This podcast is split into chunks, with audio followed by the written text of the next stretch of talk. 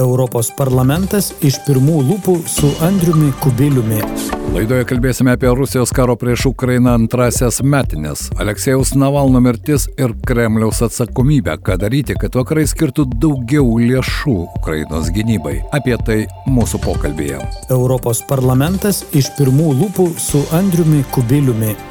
Laida parengta bendradarbiaujant su Europos liaudės partijos frakcija Europos parlamente.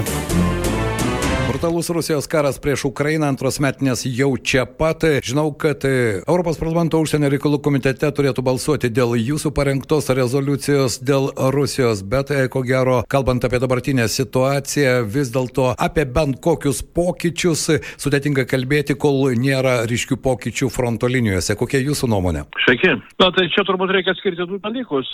Vienas tai pats karas ir ir kur iš tikrųjų kyla nerimo dėl e, situacijos fronte, nes e, na, vakarų parama Ukrainai, karinė parama e, nėra pakankama, kad Ukraina pasiektų pergalę, jinai galbūt leidžia Ukrainai nepralaimėti, bet kaip rodo visi skaičiai, čia aš ėmiausi iniciatyvos, kurią salginai vadinu ES planas Ukrainos pergaliai kuriame daug tų skaičių sudėliojus paaiškėja, kad iš tikrųjų yra problemos su ES parama, su pačia paramos sistema, nes e, Rusija e, kol kas praeitais metais e, gebėjo sukaupti karui daugiau negu 100 milijardų eurų, tuo tarpu Ukrainos gynyba su Ukrainos pinigais ir visais vakarų pinigais, tiek ES, tiek ir JAV, iki 80 milijardų eurų. Tai, tai, štai, tai čia yra akivaizdi situacija.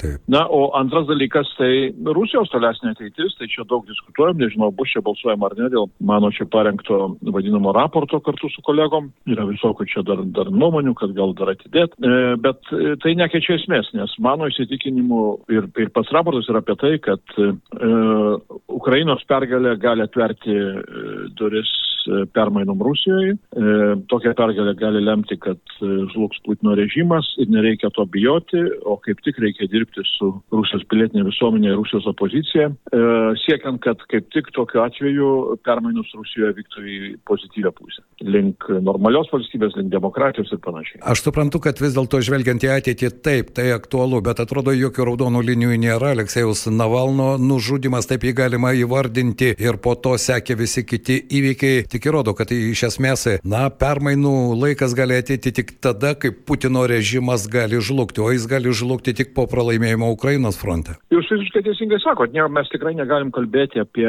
kokias nors permainas Rusijoje, kol valdžioje yra, yra Putinas. E, galbūt netgi ir po Putino dar gali būti koks nors toks pusiau perinamasis laikotarpis, kai e, demokratijos kaip tokios, na, europinės demokratijos gali dar ir nebūt, bet galbūt būtų kažkas mažiau agresyvus. Tai tuos dalykus visus reikia turėti omeny, bet, e, na, reikia labai, labai aiškiai suvokti sąsąją tarp Ukrainos pergalės ir galimų permainų Rusijoje. Ir būtent dėl to tos pergalės reikia siekti dar ambicingiau, aš kalbu apie vakarus, e, nes būtent tai gali atverti duris tokiom permainom, kurios lemtų tai, kad Rusija e, tapdama nebeagresyvi, ne nebekeltų grėsmės stabiliai taikai visame Europos kontinente. O tai, o tai yra e, visos Europos, e, visų vakarų, na, pats svarbiausias e, dabartinis siekis, lygiai taip pat jis yra pats svarbiausias ir Lietuvai. Tai, tai todėl mes turim tą sąsąją matyti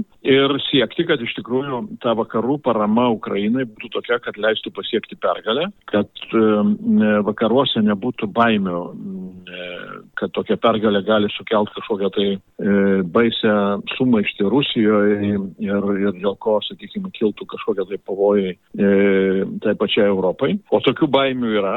Taip. Ir čia galima matyti ir, ir kongreso diskusijose, tas pats garsusis. Uh, Elonas uh, Maskas, ar ne, jo pareiškimai, Maskas, taip. Jo, jo tai, tai labai panašiai skambėjo, kad uh, nesiekim čia jokių demokratinių permainų Rusijoje, nes po Putino gali ateiti kažkas dar baisesnio ir todėl nereikia duoti ginklų Ukrainai, nes Ukrainos kaip tik pergalė gali štai lemti tokias pasiekmes. Tai visą tą visa šita, šita logika, jinai vakaruose egzistuoja ir tai yra labai pavojinga logika. Tai todėl mes čia ir bandom, kai suvaudami Lietuvą, na, siekti, kad vakaruose įsitvirtintų kitoks matymas, kitoks mąstymas, kad iš tikrųjų vakarai suprastų, jog tai, ko siekia ir, ir amžinatelis Navalnas nužudytas Putino, e, tai yra kitokios Rusijos, kaip jis vadino, puikios ateities Rusijos, normalios demokratinės Rusijos, kad tai yra svarbu ne tik pačiai Rusijai, bet tai yra svarbu ir visai Europai ir ypač mūsų regionui. Be jokios abejonės, bet kalbant apie konkrečius žingsnius, štai ir šiandien ES liktai sutarė dėl 13, jau 13 sankcijų paketo, bet iš kitos pusės jūsų pateikti skaičiai rodo, jog iš esmės Rusija geba apeiti sankcijas ir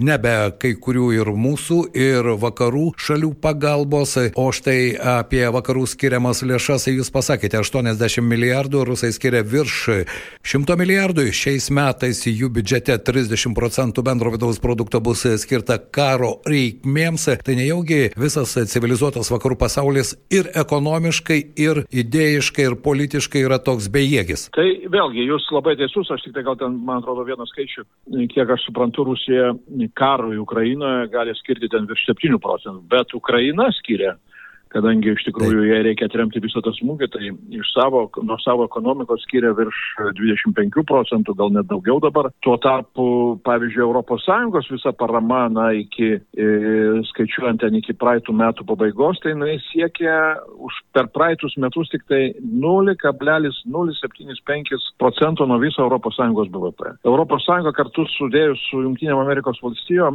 yra 25 kartus turtingesnė negu Rusija. Tuo tarpu Rusija sugeba sugeba karą finansuoti didesniam sumom negu Ukraina kartu su visa vakarų parama. Tai visiškai akivaizdu, kad Ukraina karą gali laimėti tik tai su vakarų parama. Tai, le, tai yra lemiamas faktorius ir jeigu vakarų parama liks tik tokia, kokia yra dabar, tai ta pergalė gali nusikelti labai toli. Taip jau, sakykime, mažiausiai. Tai todėl mes ir kalbam apie kitokią sistemą, nes dabartinė par, karinės paramos sistema paremta, na, kaip sakyti. Individualiais sprendimais kiekvienos šalies. Jo, kiekvienos šalies e, savo tokių savanoriškų sprendimų. Lietuva su Estija čia atrodo geriausiai tarp visų šalių, bet yra šalių, kurios beveik nieko neskiria. Ir todėl, pavyzdžiui, tas nu, pasiūlymas, kurį čia vis ir aš bandau tame plane dėstyti, ir čia Estai tą, tą, tą mintį irgi, irgi išsako sako, kad reikia sutarti, jog visos šalis, vienai par kitaip, ar per ES įpareigojimą visom šalim e, tam tikrą sumą skirti kariniai paramai Ukrainai, ar ES pati iš savo vienokio ar kitokio finansinių resursų tokią sumą skirtų, bet ta suma turi būti ne mažesnė negu 0,25 procentai nuo ES bendro vidaus produkto. Tai būtų maždaug 2,5-3 kartus didesnė parama negu dabar gauna Ukraina. Na ir tikėtina, kad tokios paramos jau užtektų tam, kad Ukraina galėtų dominuoti karo frontuose. Taip, nes ir dabar. Artimiausių metų, artimiausių metų to reikia ir siekti. Be jokios abejonės, nes dabartiniai ir Ukrainos kariškių tiesiog prašymai iš fronto linijos - duokite šaudmenų, duokite ginklų. Ir tai po Avdyvkos, ko gero atidavimo, kai kuriuose balsuose ten desperacija tiesiog jauti. Dar vienas klausimas tai yra Aleksejus Navalno mirtis, Kremliaus atsakomybė, visi apie tai deklaruoja, bet iš esmės tai situacijos nekeičia. Brutalus brutalus režimas tiesiog atvirai šaiposi iš viso pasaulio ir nieko jam niekas negali padaryti. Kaip Jūs vertinate, ar dabartinė Rusijos visuomenė, taip mes galime prisiminti eilės prieš e, tą prieš rinkiminę kampaniją, Nadeždino mhm. Nadeždą, bet visa tai liko jau praeitie, dabar Navalno mirtis. Ir tai tik dar vienas įrodymas, jokios pilietinės visuomenės apraiškų ten tiesiog nėra, nėra tam erdvės. E, vėlgi turiu pasakyti, kad jūs labai teisus e, ir be abejo, kad Putinas nužudė Navalną, nes Navalnas na, turėjo tą taip ryškiai išsakytą svajonę, kurią daug kas tikėjo, tą puikiai ateities Rusiją. Jis tikrai buvo stiprus lyderis ir su, su antikorupciniu fondu ir, ir su savo visa na, partinė ar, ar politinė struktūra Rusijoje. Taip, Taip Putinas neapsikentęs jo veiksmų, net ir iš kalėjimo jį nužudė nužudė, čia yra akivaizdus dalykas. Ten. Kaip nužudė, kokiu būdu, ką nuodėjo ar, kažką dar darė, čia kad gal kada nors paaiškės, bet faktas toks. Na, tai čia vienas dalykas. Na, antras dalykas, kas turbūt yra taip pat svarbu, tai ką mes turim labai tvirtai pasakyti, kad tai, už ką kovojo Navalnas, yra svarbu ne tik Rusijos žmonėms, bet yra svarbu ir mum, ir tą kovą už tokios svajonės įgyvenimą mes turime tęsti, nes tai ir mum yra reikalinga. Na ir trečias dalykas, tai aišku, kad e, tokiam sąlygom, kokios dabar yra to brutalaus Putino režimo įgyvendinamos pačioje Rusijoje, tai ten tikėtis kokios nors pilietinės visuomenės protestų, na, turbūt nebūtų labai sąžininga, nes aš visą laiką kartoju, kad mes turim prisiminti patį savo patirtį, e, sakykime, vėlyvosius Brežnevo metus, e, tai be mūsų disidentų, be katalikų bažnyčios gatvėse kažkokių tai didelių protestų nelabai būdavo, nes tikrai žmonės, na, toks režimas žmonės e, gazdina ir, ir žmonės be abejo, jie nenori nei prarasti darbų, nei, nei atsidurti kalėjime, nei prarasti gyvybės. Ir todėl čia kaltinti rusus, kad jie štai neišeina į gatvę šituo metu, na, būtų tikrai nelabai sąžininkai. Bet ką gali padaryti vakarai, kad padėtų Rusijai tai transformacijai? Tai aš tą pastoviai kartuoju, kad vakarai turi vieną patį svarbiausią instrumentą, kaip gali padėti tokiai Rusijos transformacijai, tai yra parama Ukrainos pergalėms. Ir ne tik tai kariniai pergaliai, bet ir, ir Ukrainos integraciniai pergaliai, jeigu taip galima vadinti, jei tam pat ir ES ir NATO narė, nes tai sukurtų Ukrainos sėkmę, vėlgi tai gali tapti įkvepiančių pavyzdžių ir, ir tiem patiem eiliniam rusam ir, ir, ir baltarusiam. Na, tie procesai yra labai tampriai susiję, todėl aš čia tokį net terminą pats savo pradėjau vartoti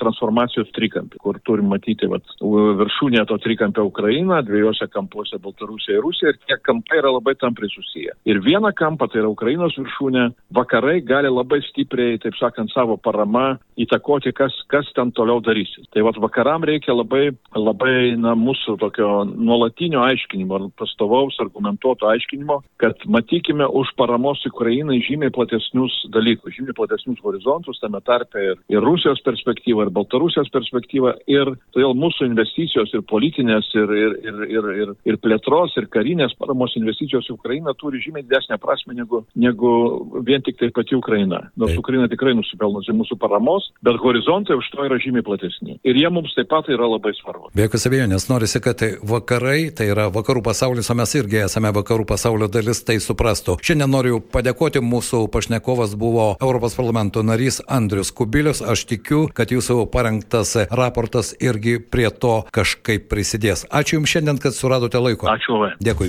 Ačiū. Europos parlamentas iš pirmų lūpų su Andriumi Kubiliumi. Laidoje kalbėsime apie Rusijos karo prieš Ukrainą antrasias metinės, Aleksėjaus Navalno mirtis ir Kremliaus atsakomybę, ką daryti, kad vakarai skirtų daugiau lėšų Ukrainos gynybai. Apie tai mūsų pokalbėje.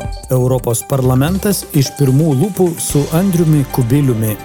Laida parengta bendradarbiaujant su Europos liaudės partijos frakcija Europos parlamente.